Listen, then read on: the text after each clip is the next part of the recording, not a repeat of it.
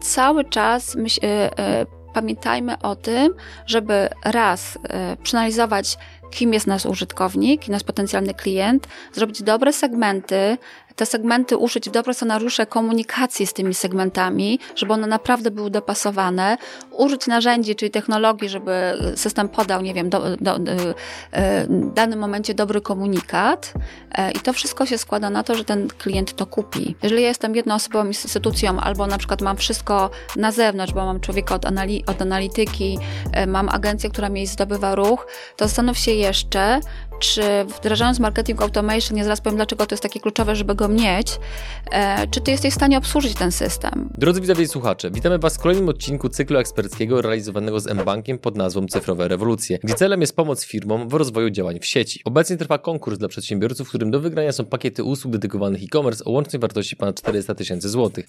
Zgłoszenia przyjmowane są do 22 lipca na stronie cyfrowerewolucje.pl, gdzie znajdziecie też bezpłatny kurs skutecznej sprzedaży w internecie i inspirujące przykłady udanych e-commerce'ów. A tymczasem zapraszam Was do wysłuchania kolejnego epizodu cyfrowych rewolucji. Oby wiedza w nim zawarta pomogła Waszym firmom. Dzień dobry drodzy widzowie, Adrian Gorzycki, Przygody Przedsiębiorców. Witam Was w kolejnym odcinku naszego programu i w kolejnym odcinku serii, którą realizujemy wraz z mBankiem na temat e-commerce'u. A naszym dzisiejszym gościem jest Anna Kaczmarska z firmy Samito, gdzie pełni funkcję CEO. Dzień dobry. Dzień dobry. O czym będziemy dzisiaj rozmawiali? Będziemy dzisiaj rozmawiać o branży e-commerce'owej, o tym jak przetrwać na rynku, jakich potrzebujemy kompetencji, co jest ważne w dokonywaniu transakcji, jak mamy zadbać o swoich klientów, jak ich zrealizować. Dlaczego e, łączyć, dlaczego możemy łączyć kompetencje na przykład prowadząc własny biznes, własny sklep internetowy ze sprzedażą na marketplace'ach typu Allegro, Amazon? Zacznijmy od tego, że przed nagraniem rozmawialiśmy o tym, że jest pewna pula, pewna grupa sklepów liczona w tysiącach, które się pojawiają i znikają. No, generalnie wyobrażam sobie, że intencją każdego przedsiębiorcy, który uruchamia e-commerce, jest to, żeby ten e-commerce działał, żeby był dochodowy, żeby go nie zamykać. Więc Jakie są z Twoich obserwacji najczęstsze powody tego, że e-commerce się zamykają? Jak temu zaradzić? E, w Polsce jest e, około 80 tysięcy sklepów internetowych e, i myślę, że pandemia bardzo przyspieszyła rozwój tego segmentu sprzedaży online i faktycznie nam się wydaje, że sprzedaż w online, kiedy wszyscy kupują w online, jest taka prosta. Nie otwieramy te sklepy, mamy jakiś pomysł na produkt, robimy dobre zdjęcia, nie wiem, wykorzystamy jakąś platformę do tego, żeby postawić sklep internetowy i jest. A tak naprawdę czego często nam brakuje, jak planujemy ten biznes, pomyślenie o tym, jakich my potrzebujemy kompetencji, umiejętności, żeby ten sklep, e, żeby dobrze go wystartować i żeby go później rozwijać, e, no i mieć stałą pulę klientów. Czyli tak naprawdę nie zastanawiamy się, e, co jest nam potrzebne do tego, żeby dobrze zarządzić tym biznesem.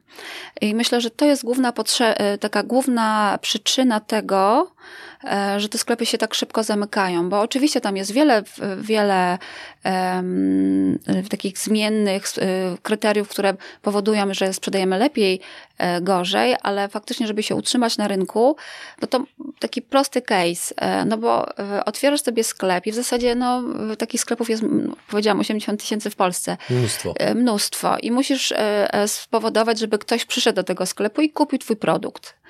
E, no to żeby, e, e, żeby kupił, znaczy żeby przyszedł, no musisz się gdzieś tam pokazać. No i możliwości jest SEM, SEO, social ads, kampanie jakieś afilacyjne, reklamowe i ten ruch nagle się pojawia. Ale jeżeli ty od samego początku nie zaczniesz y, liczyć tego swojego biznesu i analizować, czy nie użyjesz narzędzi analitycznych, no to ten ruch przyszedł i na przykład część tego ruchu kupiła, ale malutka. Ty zainwestowałaś, a sprzedaży nie ma. No i jeżeli to tak, tak trwa, trwa ileś miesięcy, no to ludzie rezygnują, no bo inwestują, nagle mają ruch, a, a nie ma sprzedaży. Albo, albo czasami ten ruch po prostu też jest nie tak zadowalający, jakby chcieli. Um, no i dlatego ja zawsze mówię, e, jak rozmawiam z klientami, pierwsze pytanie, jakie zadaję, czy jak analizujesz swój biznes? Jakich narzędzi do tego używasz? Czy ty w ogóle myślisz o tym, e, żeby, e, żeby zastanowić się, dlaczego dany ruch e, przekłada się na sprzedaż, a dlaczego inny nie? Jak, i, czy na przykład poznajesz dobrze Google Analytics, to jest darmowe narzędzie, ale wielu klientów nie zna tego narzędzia, nawet nie posługuje się nim, a jest ono dostępne, czyli jakbym mogła powiedzieć, to e, spiszmy sobie te kompetencje, których potrzebujemy. Jak nie mamy świadomości, jakich potrzebujemy, no właśnie, to zapytajmy. To no, no, właśnie, to, to, ja teraz pytam w imieniu tych wszystkich osób, które będą oglądały ten materiał w poszukiwaniu odpowiedzi na to pytanie, jakich kompetencji potrzebujemy, żeby zbudować dochodowy e-commerce? To przede wszystkim e, kompetencji analitycznych e, i e, analizowania swojego biznesu i rozpoznania ekosystemu narzędzi, jakie nam do tego mogą służyć. Kon, kon, Kolejna kompetencja, no to ta kompetencja reklamowa, żeby y, poznać to środowisko reklamowe, które nam może zapewnić klientów. Trzecia kompetencja, y, która jest dla mnie też bardzo ważna, to później y, zrobić optymalizację tych konwersji, czyli jak ten ruch już u siebie e, przemienić na sprzedaż. E, I wydaje mi się, że taka czwarta kompetencja to jest e, budowanie lojalności swoich klientów. To takie podstawowe, mhm. które ja bym powiedziała. Oczywiście tam też są y, rzeczy takie bardziej technologiczne, graficzne, UX-owe, ale te, te cztery to, to na pewno wymieniła w pierwszej kolejności. A powiedz mi, bo z tego, co teraz powiedziałaś, to bardzo mocno wybrzmiały takie pojęcia, które mogą się kojarzyć z umysłem ścisłym, analiza, analityka, Google Analytics, konwersja, optymalizację. Jak w tym wszystkim odnajdują się humaniści? Swoich doświadczeń oraz jak mogą się odnaleźć humaniści. Czy dla nich e-commerce również jest w porządku sektorem pod kątem ich kompetencji, czy raczej będą mieli trudniej niż osoby ścisłe? No będą oczywiście mieli trudniej. Ja jestem humanistką, ale jeżeli ja po, poznaję tą wiedzę dosyć ogólnie i wiem, czego ja potrzebuję, no to e, też są osoby, które się w tym specjalizują. Oczywiście, jak ktoś jest małym e-commerce'em, to nie stać go na to, żeby zatrudnić, nie wiem, pię pięcioosobowy zespół na przykład do tego, żeby mieli, każdy miał jakąś inną kompetencję. Ale możesz, e, nie wiem, są firmy, które się tym specjalizują możesz się do nich udać e, i porozmawiać o tym i na przykład powierzyć im pewne zadania, tak? Już na samym początku, bo naprawdę to potem wróci. Jak, jak jest jakaś luka kompetencyjna, to i tak e, to się odwróci przeciwko nam. Czyli tak naprawdę ja, ja rekomenduję, żeby przede wszystkim zapoznać się z ekosystemem kompetencji i narzędzi, technologii, które są dostępne w e-commerce, oszacować, co ja mogę zrobić i, i jakie ja mam zasoby, czy mam kogoś do pomocy, czy nie mam do pomocy. Jak nie mam, brać ludzi, którzy się na tym znają. Nawet jak musimy w to zainwestować pieniądze, to te pieniądze nam się zwrócą. Oczywiście jeszcze raz powiem, jestem humanistką, ale jak mi powiesz o tym, jak mi ktoś mi powie, jak sprzedawać w online, to już mam jakieś wyobrażenie.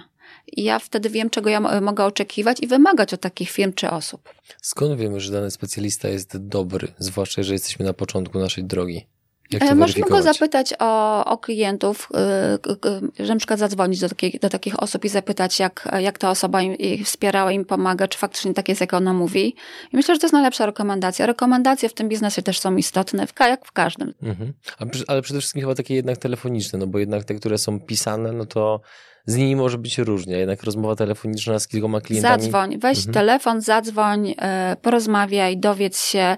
Zresztą warto zawsze rozmawiać. To jest moje też motto życiowe. Warto rozmawiać z innymi ludźmi. Jeżeli ja zaczynam dany biznes w danym segmencie, rozmawiaj z ludźmi, którzy już to robią od, od jakiegoś czasu i myślę, że, że mm, no okej, okay, no może jakaś bezpośrednia konkurencja, ale raczej ludzie chcą się dzielić swoimi dokonaniami i wiedzą e, i nie sądzę, że ktoś nam odmówi, powie nie, nie powiem ci. Mhm. Jeszcze trochę ten temat podrążę, no bo z jednej strony żyjemy, często się o tym słyszy, że żyjemy w czasach e, informacji, internet, praktycznie nieograniczona wiedza, do której mamy dostęp na wyciągnięcie kilku klików, a z drugiej strony, z tego co mówisz, skala e-commerce, które się zamykają, jest gigantyczna.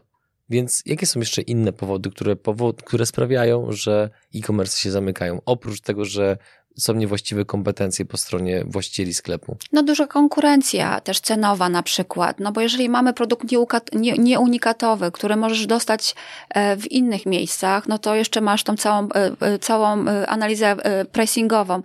Ja, internet w ogóle jest takim, takim narzędziem, że możesz porównać już wszystko porównać naprawdę i, i e, ofertę wyjazdu na wakacje, ofertę, nie wiem, e, e, ceny danego produktu, opinie ludzi na, te, na, na, na dany produkt, jakoś opinię na, tem, na, na, na, temat danego sklepu. No, co byś nie chciał, co, co sobie tam wy, wy, wybierzesz, to możesz to porównać. I pamiętajmy o tym, że te ludzie tak robią, czyli jak idziesz do sklepu takiego tradycyjnego, też sobie porównujesz dany produkt w innych sklepach. Chodzisz po tej galerii handlowej i porównujesz. Bo chcesz dokonać jak najlepszej transakcji transakcji. No, dokładnie tak. Tak samo jest tutaj. I myślę, że jeżeli na przykład nie jesteśmy w porównywarce cenowe, cenowej Ceneo, nie ma nas tam, no to zabiera nam to naprawdę jakiś tam udział procentowy w możliwości sprzedania tego produktu. Jeżeli, jeżeli nie zrobimy analizy cenowej i nie zobaczymy, jak ten produkt właśnie ma, ma się w innych e, miejscach, no to jeżeli mamy za drogi na przykład, no to też go nie sprzedamy.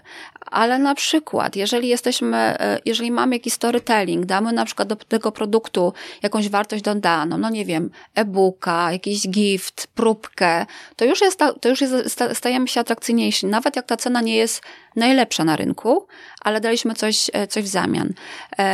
Pamiętajmy o tym, że też jeszcze e, ważne jest właśnie to doświadczenie użytkownika w naszym sklepie. Jeżeli on przychodzi do sklepu i ta droga zakupowa jest prosta, intuicyjna, krótka, no to też to absolutnie daje taki, jak mamy impuls do zakupu, no to jak dobrze ogarniemy tego klienta, to on kupi u nas, już nie będzie szukał gdzieś indziej. Ale to musi być wszystko intuicyjne, przyjazne, e, takie bardzo na miarę potrzeb tego użytkownika. Jak projektuje się intuicyjny sklep internetowy? Nie powiem Ci, jak, nie jestem UX-owcem ani e, grafikiem, ale mogę Ci powiedzieć na przykład e, z takiego mojego doświadczenia, jak obserwuję um, zachowanie u, u, naszych klientów. Jak powiedziałam wcześniej, ta ścieżka zakupowa musi być bardzo um, na przykład pro, prosta rzecz, formularz zakupowy, nie wiem, z rejestracją, bez rejestracji. Jeżeli masz z rejestracją, nie wszyscy chcą zostawiać dane. Jeżeli tych danych musisz wpisać dużo, albo na przykład nawet taka prosta rzecz, wpis, intuicyjnie Ci od razu razu podpowiada kod pocztowy, że zrobisz to szybko, e, tych klików masz mało, no to jest prosta ścieżka zakupowa. Mhm. Czyli dążyć do tego, żeby tych klików było jak, jak najmniej. najmniej. Oczywiście z przestrzeganiem prawa. Tak, i wszystkie całe ochronę danych osobowych, RODO, i to wszystko musi być y, e, jak najbardziej tutaj zaopiekowane. Czy jest jeszcze jakiś inny obszar, który powoduje, że sklepy upadają, czy nie i idziemy do kolejnego tematu? Teraz mi chyba nic już do głowy nie przychodzi. Myślę, że możemy iść do, innego tematu. To poruszmy coś, co według mnie, i też o tym też wspominałaś przed nagraniem, jak chwilkę rozmawialiśmy, i poruszyłaś to częściowo teraz podczas tej wypowiedzi. E, I ten element ma z mojej perspektywy kolosalny wpływ na to, czy sklepy, generalnie biznesy przetrwają przez lata, czy będą się zamykały po kilku miesiącach. Jak budować lojalność klientów? To jest taka kluczowa rzecz, żeby twój sklep się rozwijał i, i się dobrze miał. E, I tych, tych, e, tych modeli i narzędzi jest trochę na rynku już, takich dostępnych, że ty nie musisz sam tego wymyśleć. Jednym jest takich z narzędzi to jest marketing automation. Nie wiem, czy się spotkałeś z tym, e, z tym już, z tą definicją, ale taka automatyzacja komunikacji, która jest dostosowana do potrzeb klienta, czyli Załóżmy, masz kampanię reklamową, reklamujesz sobie jakiś produkt, który jest takim wabikiem, który ma przyciągnąć ludzi do twojego sklepu człowiek wchodzi, a tam kompletnie jest inne środowisko. Nie ma, nie ma jakiegoś welcome drinku, powiedziałabym. Mhm. E, człowiek wypada z jakiegoś rytmu. Chciałby to kupić, ale coś tu nie gra. A jeżeli my nawiążemy do tej komunikacji, którą on zobaczył na zewnątrz, on zobaczy ją też w środku, przez to, że mamy włączone marketing automation, możemy zrobić dobrą personalizację właśnie e, komunikacji, czyli witaj Anna, albo jak, jak już mamy dane, że interesujemy się na przykład sukienkami w kolorze niebieskim albo w groszki, no to wtedy system podpowiada od razu kreację, że są te sukienki, od razu na wstępie dostaję propozycję. I ja jestem szczęśliwa, bo ja już nie muszę tego szukać, mam, e, sklep mi to podał, ja kupuję, mało tego jeszcze mi do tego, do tej e, e, sukienki w groszki albo tej niebieskiej podpowie jakiś ładny kapelusz, być może ładną torebkę, bo marketing automation daje takie narzędzia właśnie jak komunika komunikacja, ale silnik rekomendacji, jakieś odpowiednio dobrane kreacje w, w, w formie pop-upów, czy innych form, które sklep ma u siebie. I to też nie możemy zamęczyć. My musimy też dawkować tą komunikację, tak, żeby ona była spersonalizowana, ale też nie za częsta. Ratowanie koszyka, no, daję tą, tą niebieską sukienkę, już silnik rekomendacji mi zarekomendował inne produkty, które mi pasują do niej, no nagle odchodzę, nie kończę zakupu. No to dostaję informację na przykład na maila, widziałam, widziałam że chciałaś, byłaś zainteresowana tą sukienką, ale na przykład teraz e, producent czy tam sklep przewidział dla ciebie 10% rabat. Wróć i kup tą sukienkę. No i ja wracam, bo no tak, okej, okay, okay, spodobała mi się ta oferta. Czyli tak naprawdę cały czas myśl, yy, yy, pamiętajmy o tym, żeby raz e, przeanalizować, kim jest nasz użytkownik, nasz potencjalny klient, zrobić dobre segmenty, te segmenty uszyć w dobre scenariusze komunikacji z tymi segmentami, żeby one naprawdę były dopasowane, użyć narzędzi, czyli technologii, żeby system podał, nie wiem, do, do, do, e, w danym momencie dobry komunikat e, i to wszystko się składa na to, że ten klient to kupi. E, I też, jeżeli zadbamy właśnie o jego komfort, damy mu jakąś fajną ofertę, damy mu coś do, do, do tego zakupu, na przykład na przyszłość, że on chce do nas wrócić, to absolutnie możemy powiedzieć, że on E, pomalutku stanie się naszym lojalnym klientem, bo on miał łatwy właśnie dostęp do tej transakcji. E, do, na przykład, co też jest, jeszcze jest ważne i to ludzie bardzo mocno oceniają, teraz kupujesz, chcesz mieć już tego samego dnia. E, nie zawsze się tak da, ale następnego dnia już jest fajnie, jak ta dostawa jest w miarę krótka, albo na przykład dostawa gratisowa przy jakimś pułapie mm, wartości koszyka. E, co jeszcze jest, mnie bardzo e, tak zachwyca teraz, jak firmy zaczęły w to wchodzić, to ten model subskrypcyjny, czyli e, wyobraź sobie sklep z kawą albo sklep z jedzeniem, karmami, jakimiś różnymi rzeczami dla, swoich, dla Twoich zwierząt, na przykład dla piesków musisz kupować tą karmę. Piesek e, e, zjada ją jakąś tam e, ilość, tak, w danym miesiącu, czy tam raz na dwa, na dwa miesiące, bo sobie już wy, wy, że ta karma tyle wystarczy, w zasadzie no tak powinno to wyglądać, no to już nie musisz co miesiąc kupować, czy co dwa miesiące tej karmy.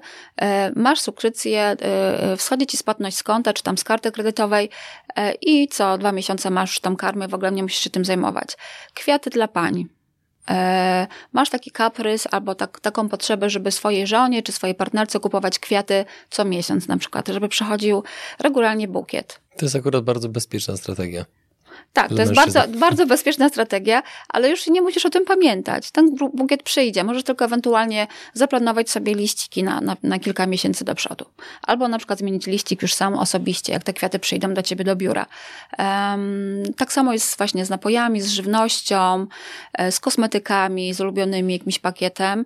I to faktycznie pozwala e, zachować e, tego użytkownika przy Twoim sklepie. On co miesiąc jakby jest z Tobą w kontakcie, bo jeszcze możesz mu dać fajny, spersonalizowany przekaz. Dziękuję, że, że kupujesz te karmy u nas. E, nie wiem, dajemy Ci na kolejne zakupy, na przykład jakby chciał, jakbyś chciał kupić jakieś suplementy diety na przykład dla swojego psa. E, informację, że, że dostajesz na przykład jakiś fajny rabat na to.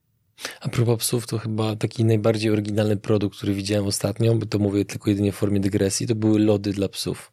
Jak byliśmy w Anglii i tak nagle patrzę, banner, lody dla psów i tam wypisane jakie są witaminy, probiotyki i tak dalej, ale to taka mówię tylko w formie ciekawostki, raczej subskrypcyjnie lody z maszyny ciężko było no, ale dostać. E, to jest też ciekawostka, że psy lubią lody. Nie wiem dlaczego, ale lubią. Lubią jeść lody. Jeszcze nie podawałem naszemu, ale to trzeba będzie spróbować. Ale jeszcze jakby kończąc temat marketing automation, w jakim momencie powinniśmy się zdecydować na tego typu oprogramowanie? Jaką powinniśmy mieć skalę sklepu? Od samego początku, czy może od jakiegoś konkretnego poziomu obrotu? Co powinno być takim e, czynnikiem, na który powinniśmy zwracać uwagę, że aha, to jest ten moment, kiedy powinienem taki system kupić? No przede wszystkim jakiś poziom już zbudowanej ilości klientów, których masz w sklepie. Um, akurat w mojej firmie mówimy o pięciu tysiącach osób, które już są i wtedy faktycznie zaczy, można już zacząć budować te scenariusze i spersonalizowane przekazy. E, ale to raczej, raczej musisz mieć jakąś ilość, nie skala biznesu w sensie e, obrotów, tylko ilość użytkowników w sklepie. I jak wybierasz ten marketing automation, no to bardzo często kieruje się na przykład ceną. W zależności od tego, jakim jesteś biznesem, no, no to ta cena jest dla ciebie też kluczowa, jak jesteś tym mniejszym graczem. Ale pamiętajmy znowu o tym, żeby sobie zrobić takie podsumowanie, jakie ja mam zasoby. Jeżeli ja jestem jednoosobową instytucją, albo na przykład mam wszystko na zewnątrz, bo mam człowieka od, anali od analityki, e, mam agencję, która mi zdobywa ruch, to zastanów się jeszcze, czy wdrażając marketing automation, nie zaraz powiem, dlaczego to jest takie kluczowe, żeby go mieć, e, czy ty jesteś w stanie obsłużyć ten system? Bo kolejne moje takie, mo, mo, moja dewiza na, na, na technologię, ta technologia jest e, tak dobra, jak ty ją poznasz i ją potrafisz użyć w swoim biznesie. Bo jeżeli kupujesz coś, mogę to porównać na przykład z pakietem telewizji kablowej. Teraz być może coraz mniej nas kupuje telewizję kablową, ale kiedyś się kupowało na przykład dla HBO, HBO Go. A, a reszta tych narzędzi, no w ogóle ci nie, nie, programów cię nie interesowało. Tak samo jest e, tutaj. Jeżeli kupisz marketing automation i używasz tylko jedno narzędzie, no to nie wykorzystujesz całej palety. Albo na przykład nie masz na to czasu. Kupisz, o przepraszam, kupisz i to jest. I to po prostu jest. No, masz wdrożone narzędzie i z niego nie korzystasz. Często nam się zdarza, że na przykład klienci, no tak, my mamy, no ale z czego pan korzysta? Jak robimy mu jakiś audyt albo analizę potencjału, okazuje się, że korzysta albo z jednego narzędzia, albo w ogóle nie korzysta. Także pamiętajmy, że jak już wydajemy te pieniądze, to pomyślmy, czy jesteśmy w stanie sami obsłużyć to narzędzia. Jeżeli nie, to bierzmy takie rozwiązanie, które nam gwarantuje w pakiecie, e, nie wiem, usługę eksperta, doradcy, który, który nam w naszym imieniu obsłuży ten system. E, bo jeżeli my sprowadzamy, inwestujemy już e, w ten ruch, no to fajnie by było, żeby ten ruch też zakonwertował na tej stronie. Czyli żeby właśnie włączyć te wszystkie funkcjonalności z marketing automation, jak budowanie bazy mailingowej, jak powiadomienia push, jak system systemowe powiadomienia push, jak kampanie pop-upowe spersonalizowane, jak budowanie bazy mailingowej, jak budowanie newslettera spersonalizowanego, e, to absolutnie wpływa na, e, e, na zwiększenie poziomu konwersji i przełożenie, o jeszcze co ważniejsze, ratowanie koszyka, no bo to jest kluczowa rzecz, żeby jednak wracać do tych osób, które już naprawdę były, no bo zainteresowały się naszym produktem, to są najlepsi klienci. Jeżeli ja się zainteresowałam twoim produktem, dałam do koszyka i nagle z jakichś powodów, no nie wiem, ktoś zadzwonił, albo coś się wydarzyło, albo na przykład stwierdziłam, dobra, to nie kupię teraz, bo porównam to jeszcze z ofertą innych sklepów, to warto, żeby jednak do tej osoby się odezwać i halo, hola, tutaj jednak warto, żebyś zakończyła tą transakcję, damy coś, coś tobie, ale jednak transakcji dokonasz. E, no to to wszystko powoduje, że ta e, ilość tych konwersji i sprzedaży masz większej, masz większą, mało tego, e, ilość, ilość zaangażowanie tego użytkownika w twój, twój sklep internetowy, ilość czasu, który tam spędzisz, ilość odsłon stron, które wygenerujesz, bo jeżeli dobrze ci podpowiadam te produkty, no to te, te sukienki, jak mówiliśmy o tych sukienkach, to ja tych sukienek zobaczę więcej niż tylko jedną czy dwie. E, I o to tu chodzi, żeby jak, naj, jak najbardziej zaprezentować siebie, to swoje portfolio tych produktów, ale tak, żebym ja czuła, że to jest zgodne z tym, co ja potrzebuję a nie po prostu strzelanie na oślep tą e, amunicją. Do tego jest marketing automation i faktycznie e, oszacowanie tego, czy ja mam czas, żeby to, to narzędzie obsłużyć, tą technologię. Jeżeli nie, bierzmy te, te firmy, które dają nam tych ekspertów e, w pakiecie, albo znajdźmy kogoś, kto nam to obsłuży, bo naprawdę to nie jest, to nie jest też taka rzecz, że pół godzinki wystarczy. To jednak jest cały czas praca z narzędziem, analiza, analityka, patrzenie, jak to konwertuje. No dużo zmiennych, naprawdę. Mhm. Dużo. A powiedz mi, bo w każdej branży są takie można się, zwłaszcza jeżeli masz dużą pulę na przykład klientów i możesz tak z lotu ptaka obserwować ich zachowania, no to zawsze następuje jakiś rozkład naturalny, że są ludzie, którzy sobie kompletnie nie radzą, są przeciętni i są turbo wybitni. Więc gdybyś miała podkreślić i pokazać, co robią turbo wybitne i skuteczne pod kątem konwersji, dochodowości sklepy internetowe, to co by to było oprócz tego, co powiedziałeś dotychczas? Taki turbo e, wybitny zespół e-commerce'owy to ten, to ten zespół, który zwraca uwagę na user experience, czyli jakie, jakie są doświadczenia użytkownika z, z pobytu w tym sklepie i na tą customer journey, żeby ona była taka, powiedziałabym, płynna, e, prosta, bardzo intuicyjna. Myślę, ta świadomość w tych zespołach już takich bardzo rozwiniętych jest i oni na to zwracają uwagę. Co pomoże też Ci, jeżeli na przykład nie masz e, takiego turbo zespołu, no bo jesteś mniejszym e-commerce'em, ale myślę, że taką perspektywę zmienić może sprzedaż na y, marketplace'ach. Allegro jest do, dobrym przykładem, tu naszym rodzimym, polską firmą. Ja to mam takie porównanie, e, bo jak zakładasz swój e-commerce, własny, to tak jakbyś otworzył coś w środku lasu, gdzie nie ma drogi, nie ma ludzi, nie ma nic. Jest po prostu na przykład e, sklep z, mm, e, z akcesoriami dla wędkarzy na przykład, tak? Ale jak otworzysz i to jest twój sklep, to, to jest początek. Wyobraź sobie taką sytuację, otwierasz sklep i nagle jesteś w, tym, w środku tego lasu, nie ma ludzi, nie ma, nie ma ruchu, nie ma e, klientów, po prostu jesteś. No optymizm nie bije z tej wizualizacji. No nie, nie, nie bije. I te, e, dlaczego o tym mówię? Bo jak otwierasz na marketplace, to ten sklep się otwiera w takim, no w Arkadii albo w Złotych Tarasach w Warszawie, gdzie trafik klientów jest już duży. I ty się już w pierwszej kolejności nie musisz tak bardzo martwić o to, że ci ludzie nie przyjdą, bo oni cię zobaczą. Może ewentualnie zobaczyć, jak wyeksponowałeś swój produkt, czy w dobrym miejscu masz ten sklep, bo na przykład, nie wiem, tam nie docierają tacy twoi klienci, no to możesz sobie ponegocjować z, z, z galerią handlową, ale ruch już jest i to Allegro to daje. Czyli daje i, i, i ty wtedy zwrócisz uwagę, jakie mają, do, jak, jak, jak twoi klienci się zachowują, jakie mają doświadczenia z twoim produktem, z twoim sklepem. Zwrócisz na uwagę na coś, czego normalnie byś nie zwrócił, jak, jak otwierasz ten sklep w tym środku lasu, bo wtedy ty siedzisz i myślisz, jak mam zrobić, żeby jednak tutaj ktoś mnie zauważył i do mnie tu przysz, przyszedł i jeszcze mało tego kupił mój produkt, a tam już to masz na wstępie. I dlatego, jak, jak porównujesz sobie te dwa miejsca, ja nie mówię, że e, jedno jest lepsze, drugie jest gorsze. Po prostu na pewnym etapie dostajesz jakiś support duży od marketplace'u, a tutaj radź sobie sam. No i musisz zadbać o to, żeby jednak w tym lasie wybudowali drogę i ci klienci przyszli do ciebie, mało tego zaczęli wracać. E, jeżeli masz te doświadczenie z marketplace'u, to wtedy od razu wchodzisz z innym, e, powiedziałabym, z innymi zasobami do własnego interesu. Ja jestem orędowniczką, żeby mieć własny własny sklep i sprzedawać na marketplace, jeżeli tego potrzebujesz do, do, do palenia tych, tej, tej sprzedaży. Ale żeby się nauczyć dobrze, na czym polega e-commerce, to warto od takiego marketplace'u też zacząć, bo ty widzisz od razu, co, co, jakie tam są umiejętności, kompetencje, jakie tam są możliwości. Czyli jeżeli ktoś wolałby raczej taką powiedzmy bezpieczną ścieżkę, to najpierw marketplace, zbudowanie wstępnych kompetencji, dopiero potem własny sklep? E, czy, czy je... jakby, bo chcę, żebyśmy doprecyzowali, co wybrzmiewa z twojej wypowiedzi. Wiesz, myślę, że tak. Jeżeli to jest naprawdę, nie masz dużych nakładów na, e, e, na to, żeby się wypromować, szybko zdobyć klientów, potem wdrożyć na choćby marketing automation, to na pewno, żeby dać sobie czas na taką naukę e, i zobaczyć, jak inni sprzedają i nie, nie martwić się, że nie masz tych klientów, to tak, to ja bym poradziła takim osobom, żeby weszli na, na taki marketplace. W tym miejscu stawiamy kropkę.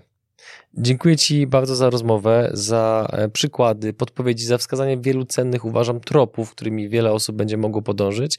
E, I Wam, drodzy widzowie i słuchacze, dziękujemy Wam za Wasz czas. Mam nadzieję, że wiedza, którą tutaj otrzymaliście, będzie przydatna i że wielu z Was zbuduje dochodowe e-commerce. A naszym dzisiejszym gościem była Anna Kaczmarska. Dziękuję za rozmowę. Dziękuję bardzo.